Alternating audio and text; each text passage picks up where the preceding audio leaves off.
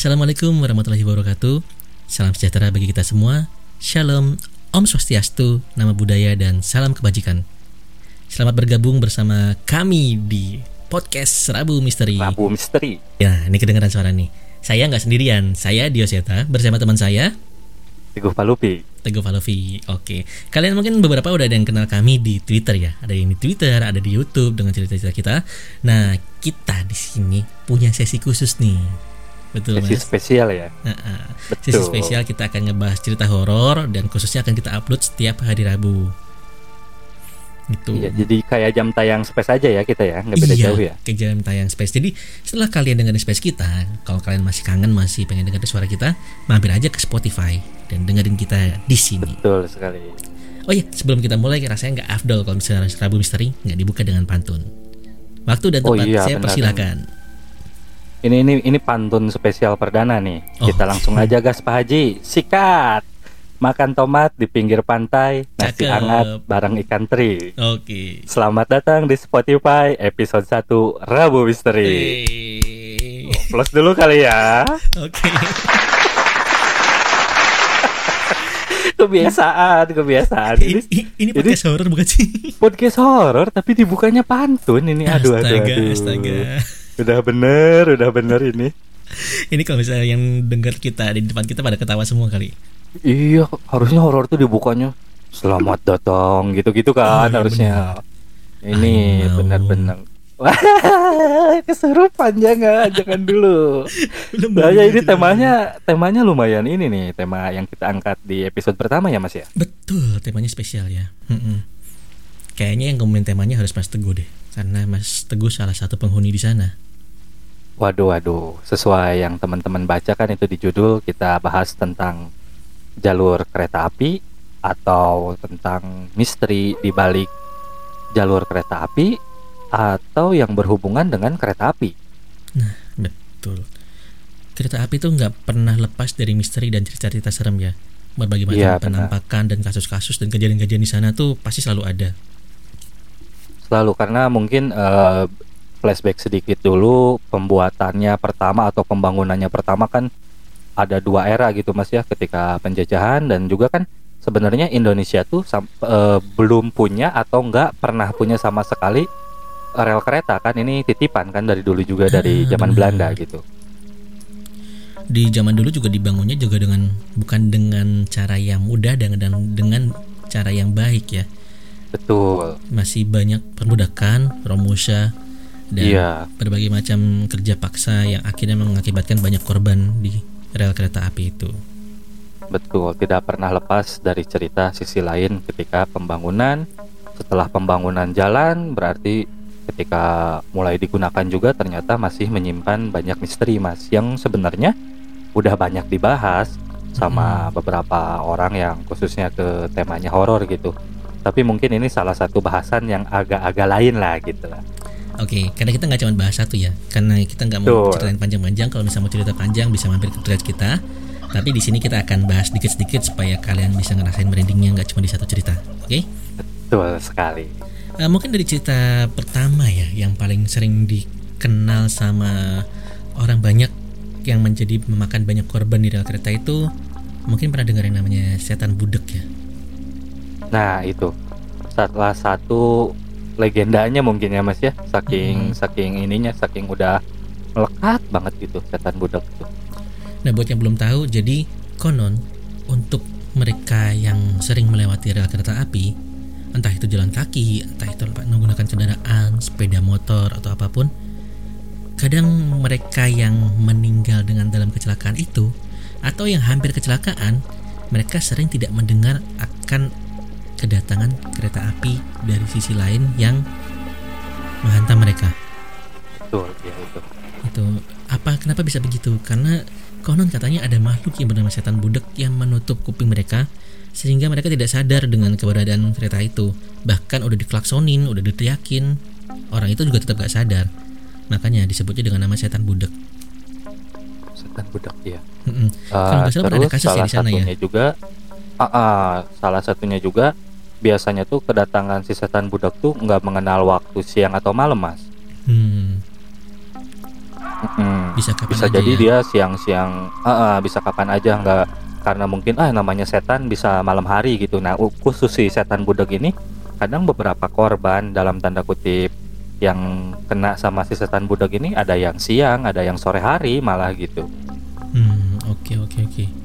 Yang umum kejadian adalah orang lewat sana, mereka nggak nggak pernah sadar, nggak sadar ada kereta lewat gitu, karena dirinya Mm-mm. ditutup kupingnya kan. Itu udah makan banyak korban. Dan hampir di setiap persimpangan rel kereta itu ada mitos tentang itu. yang nggak pernah lepas sih namanya si setan budek ini Mm-mm, itu yang paling umum ya. Nah lanjut, mungkin kita langsung bablas ke cerita kedua. Bukan cerita kedua ya, maksudnya ada info kedua. info kedua dulu nih nanti kita bahas satu-satu nih seru nih ada kisah-kisahnya Yang kedua mungkin dari Mas Teguh. yang kedua tuh eh, disclaimer dulu bet- eh, aku tuh tinggal di dekat salah satu stasiun kereta mas kebetulan rumahku dekat banget gitu Oh iya. Eh, iya beberapa pengikutku di Twitter atau pengikut Rabu Misteri di Space pasti deh sering denger suara kereta lewat atau suara pertanda ada kereta gitu. Mm-mm. Makanya eh, bahasan ini tuh aku bukan cukup menguasai ya, cukup sering mendengar dari kalangan masyarakat di sini gitu. Hmm, keren keren. Kalau iya, kalau di daerahku tuh ada dua si merah. Mm-mm. Si merah pertama pernah aku tulis juga di salah satu tweet yaitu penunggu gudang Belanda. Yang kedua tuh si merah dari jembatan Cisomang. Jembatan Karena- Cisomang. Jalurnya jembatan Cisomang salah satu jembatan paling tinggi di Indonesia Hmm, di Jawa Kalung Besi itu. Oke. Nah, yang mana dulu nih kira-kira enaknya mas? itu dua-duanya dari rel keretanya di gudang Belanda sama di Cisom- jembatan Cisomangnya. Iya ada ada rel keretanya. Malah yang gudang Belanda ini dekat banget nih dari dari rumahku sekarang tek ini tuh paling Mm-mm. berapa menit lah nggak nggak nggak paling 10 menit juga jalan nggak lima menitan deh gitu. Oke oke. Namanya sih sisi merah ya. Kesannya nggak terlalu horor. Tapi aku udah ngerasa ada yang aneh nih dengan. Iya kan? Kenapa eh. sih si merah gitu nggak si biru atau si kuning gitu kan? Mm-mm. Nah coba mungkin yang di jembatan Cisomang dulu, kata gue. Eh, kalau dari jembatan Cisomang karena jembatan Cisomang ini kan menurut sejarah atau menurut literasi itu udah ada tiga generasi ya mas ya. Mm-mm. Dimulai generasi pertamanya tuh di tahun 1906 jauh sebelum jauh banget gitu. Nah keberadaan atau eksistensinya si merah jembatan Cisomang tuh sebenarnya udah aku dengar dari sejak aku kecil kali ya. Mm-mm. SD juga udah pernah dengar mitos-mitos ini. Cuman semakin ke sini eh, banyak juga beberapa narasumber orang sekitar, warga sekitar yang dulunya pernah diker- di pekerja paksa gitu. Eh, pekerja paksa ini dalam artian mereka dibayar tapi nggak sesuai gitu. Jadi Oke. kayak bukan dipaksa buat kerja gitu. Kita Mm-mm. lurusin dulu. Nah ternyata si merah ini tuh dulunya adalah salah satu sinden mas. Sinden. Iya, sinden. Kalau kebetulan kan Cisomang masih masuk Sunda ya gitu, Mm-mm. jadi sinden gitu. Eh, perempuan cantik yang kabarnya ketika malam-malam dia pulang nyinden diperkosa Diperkosa. dan dia mm-mm, dan dia mengakhiri hidupnya terjun di jembatan itu gitu. Gila merinding.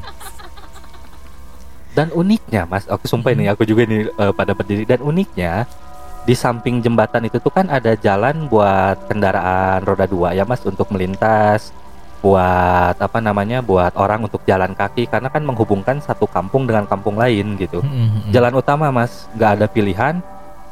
Ada satu pilihan tapi kalau muternya tuh bisa sampai dua jam deh pokoknya. Dua jam.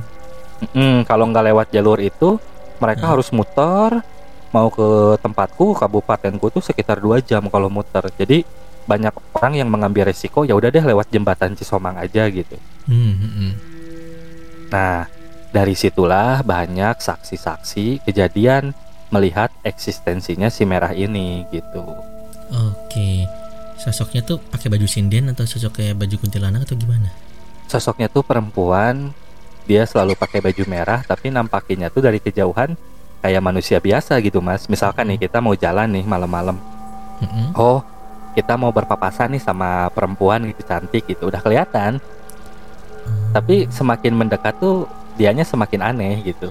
Tapi nggak nggak nggak pernah ngeganggu atau apa pun. Cuman berpapasan. Cuman kan namanya manusia jadi karena kaget karena ngelihat sosok si merah itu bisa jadi dia langsung loncat ke jembatan gitu. Oh. dan ada satu lagi informasi eh, merinding banget sih ini. Beberapa kali itu ditemukan korban bunuh diri mas di situ. Di jembatan itu dan di bawahnya tuh kita bisa untuk turun ke 100 meter ke bawah tuh ada sungai. Mm-mm. di bawah jembatan Cisomang tuh ada sungai yang memang eh, jika siang hari itu ya emang udah udah serem aja gitu bawaannya. Di sungai itu. Dan ada juga eksistensi seperti monyet putih kayak gitu kayak gitu. Oke, kita monyet putih itu kan lebih kayak makhluk ini ya apa namanya? Makhluk legenda yang sering muncul di sekitar sana ya. Ada sejarah nggak tuh? Eh, kalau dari situ sih karena bawahnya juga hutan yang masih cukup belantara ya mas ya Mm-mm. di bawah jembatan Cisomang itu eh, selain monyet putih juga masih ada yang pernah ngelihat harimau kecil kayak gitu kayak gitu cuman dianggapnya tuh itu adalah eh, sosok aja gitu yang menyerupai binatang gitu Oh iya iya iya itu udah jadi kayak semacam ini ya eh, hutan demit juga di sana ya kayak di sisi lainnya itu ada ada siluman-siluman yang di sana mungkin ya. So, iya benar ya. apalagi kan iya karena gini mas panjangnya juga kan jembatan ini tuh sekitar 230 meter 230 meter. Hmm. 230 meter tuh eh, di generasi keduanya. Nah, yang di generasi sekarang tuh jembatan bekas dulunya yang masih kayu-kayu gitu tuh nggak bisa dirobohin, masih ada. Jadi kereta yang tahun sekarang kita take podcast ini tuh menggunakan jalur yang baru. Nah, jalur yang lama ini di situlah sering sering munculnya sosok itu. Hmm, Oke oke, merinding banget sih si merah itu ya. Kalau aku simulasi Iya. ini, aku datang ke daerah sana lewat jembatan Sisi Somang. Tiba-tiba dari luar kayak dari jauh tuh kayak ada perempuan udah dari depan kan. Terus makin ke dekat, Mm-mm. makin dekat, mukanya tiba-tiba berubah. Makin dekat, makin dekat lagi, bajunya merahnya ternyata dari merah darah gitu kan. Makin dekat, makin dekat Nah, lagi. itu. Apa namanya matanya tiba-tiba melotot, ketawa aneh gitu kan. Udah banting setir, Iya. Wah, ketakutan mah yang bikin kecelakaan mungkin kayak gitu ya Iya, masalahnya itu satu jalur, nggak nggak ada jalur alternatif, mas. Cuman satu jalur. Kalau kita ketemu di tengah, udah pilihannya mundur, mundur dengan tenang, atau ngelewat ya dengan nggak terbayang bakal kayak gimana gitu. Mm-mm. Dan Mm-mm. uniknya setiap yang kesurupan tuh pasti perempuan yang kerasukannya tuh hmm, milih-milih ya di daerah situ. Heeh. Malah eh, dulu tuh masih banyak ojek, mas, masih banyak ojek yang buat ngelintasi ke kampung sana gitu. Mm, mm, mm. Tapi dia hanya berani sampai jam 2 siang. nggak jam yang 2 berani di atas siang jam itu dia ya nggak berani kalau malam. Nggak berani. Hmm. Sore pun, sore pun karena banyak banyak juga saksi yang lihat. Nah, di, di momen bulan Ramadan biasanya tuh banyak di ini kan digunain buat ngabuburit gitu. Mm, mm. Banyak kok di internet aku pernah searching beberapa kali di Facebook, di Google ada foto-foto yang ikut ikut ke foto gitu. Kayak kayak kayak perempuan yang tiba-tiba di fotonya misalkan berempat tiba-tiba nambah jadi lima dengan muka pucat kayak gitu. Hmm, jembatan Cisomang gitu. Itu yang jembatan Cisomang. Cisomang. Oke oke. Cukup bikin merinding mas. Baru cerita itu. Itu jembatan Cisomang ini baru pertama nih Cisomang bergeser sedikit ada gudang Belanda dulunya tuh. Mm, ketika pembuatan rel kereta di sini gudang itu tuh di ya namanya gudang buat barang-barang bekas kayak gitu kan atau buat nyimpen apa alat-alat kayak gitu. Nah kalau di sini tuh si merahnya akibat dia bunuh diri mas. Merahnya bunuh diri. Nabrakin eh, eh, nabrakin diri ke kereta karena katanya dia nggak diterima di keluarganya nggak direstui pengen menikah. Aduh. Gitu. dan katanya lagi dia tuh dalam posisi mengandung katanya. Mitos di sini itu Hmm. berkembangnya. Nah semenjak itulah dia sering menakut-nakuti para pekerja menak- menakuti eh, terutama orang-orang yang suka nongkrongnya tuh mabuk-mabukan di rel kereta kayak gitu nyanyi-nyanyi. Hmm, Hmm, beberapa masinis yang pernah berjaga atau apa sih sebutannya masinis yang suka ngontrol rel malam-malam tuh takut kena pencurian ini itu sering dia sering lihat. tapi dia ini ya eh, bukan sinden kayak yang tadi ya orang biasa Bukan, ini beda lagi. Yang cuman nggak tahu di oleh tuh. orang tua ya Ah, ah, nggak direstui. Cuman karena mungkin yang yang sempat aku kepikiran tuh kenapa disebutnya si merah terus tuh darahnya nggak sedikit mas Oke. Hmm, misalkan dia pakai baju apa ketika menampakin dirinya tuh merahnya tuh bukan merah baju tapi kadang merah darah yang kental gitu Hmm. Udah kebayang sih. makanya eh, eh, makanya disebutnya eh, legenda si merah lah atau mitos si merah gitu urban legend si merah Oke oke. Gila gila serem serem serem. belum belum lagi kalau kita ngambil lurus ke kotanya ada Mm-mm. tumpukan mayat kereta kan Purwakarta Gudang Kere- ya. eh, gerbong Gudang gerbong ya. iya gudang gerbong wah itu lebih lebih ini lagi sih kalau gudang gerbong kan bekas gerbong-gerbong kecelakaan kan Oh iya. yang nggak kepake tahun kapan tahun kapan gitu Kalau aku nebak kalau misalnya sering begadang di sana atau di sana ah, yang jaga di sana pasti tuh sering dengar suara orang teriak deh. Tolong tolong. ah salah satunya itu. Bener Iya, bener banget. bener ya. orang yang teriak orang yang nangis kadang nemuin orang yang tiba-tiba nanya alamat gitu. Nanya alamat. nanya alamat? Nanya alamat bener dia dia ting ting dia tuh. nemuin salah satu penjaga. Nah dia aku takutnya gitu nanya alamat palsu. Jadi dia kayak kayak yang pak aku mau ke sini. Pak tolong tunjukin jalan. Gitu gitu gitu. Aduh. Kayak eh, katanya arwah-arwah penasaran yang ketika meninggalnya nggak sempurna gitu Hmm, oke oke oke.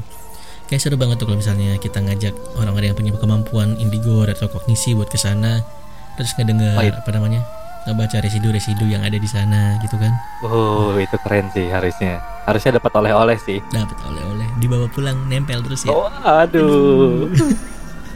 Tuh, ini tumben ya kita serius banget ya. Aduh. Tapi emang seru sih, aku juga pas dengar si merah mengenai sejarahnya tuh lumayan merinding juga sih. Dari awalnya kisah setar budak yang udah umum masuk ke si merah yang dari zaman kolonial, Merah. sinden terus masuk ke si si merah yang gudang Belanda gitu. kan. Belanda, iya. Dan ke kuburan gerbong. Itu kayak kita harus datang ke sana tuh.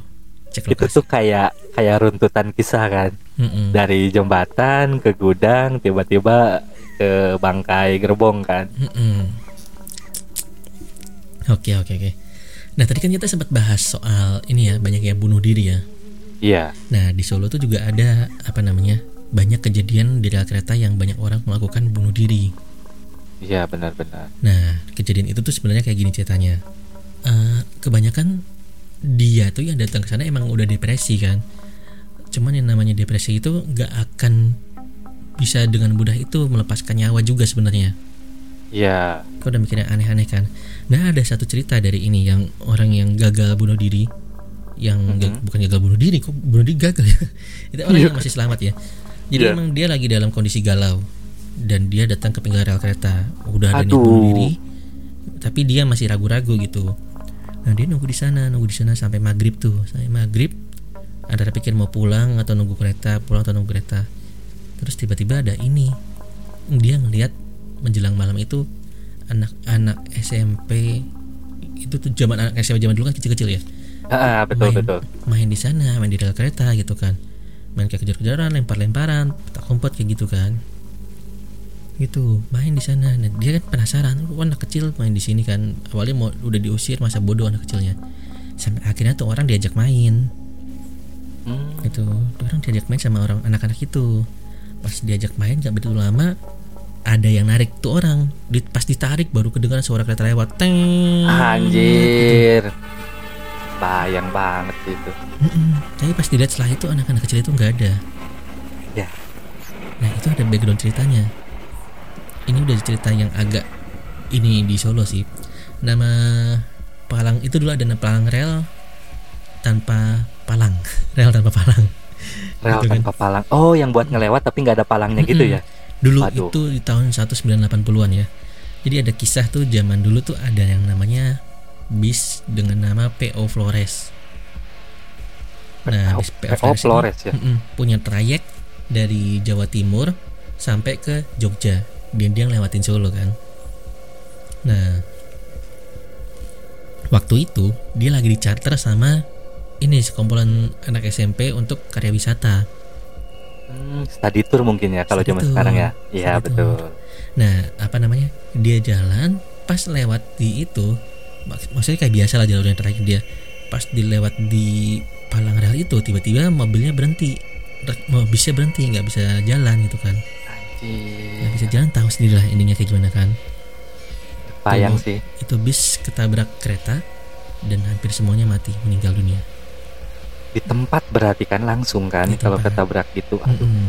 Nah, itu yang bikin akhirnya PO Flores dilarang untuk beroperasi sampai ke Jogja lagi. Dia cuma bisa beroperasi sampai ke Jawa Timur aja. Dan akhirnya dia kalian lagi dengan satu PO lagi yang mungkin tahu namanya sekarang Sumber Kencono. Iya, benar-benar. Hmm. Nah, jadi harus PO Flores ganti ke Sumber Kencono baru jalan makan yang dikenal Sumber Kencononya.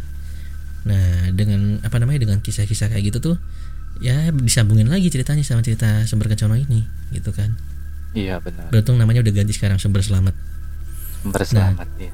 PO Flores ini akhirnya nggak beroperasi sampai tahun berapa dia ganti nama jadi Bismira dan Eka gitu pada saat tahun 2000-an udah mulai bisa lagi sampai ke Jogja ya tapi tetap aja drivernya ya ya mohon maaf ya mendekatkan kita pada Tuhan Iya, benar dan itu tuh jadi salah satu kejadian yang bakal banget diingat kan ya Mas ya. Mm-mm. Sekarang kalau misalnya buka artikel-artikel baca tulis PO Flores di tadi aku lihat di Solo Post, aku lihat di mana ngebahas tentang kecelakaannya itu.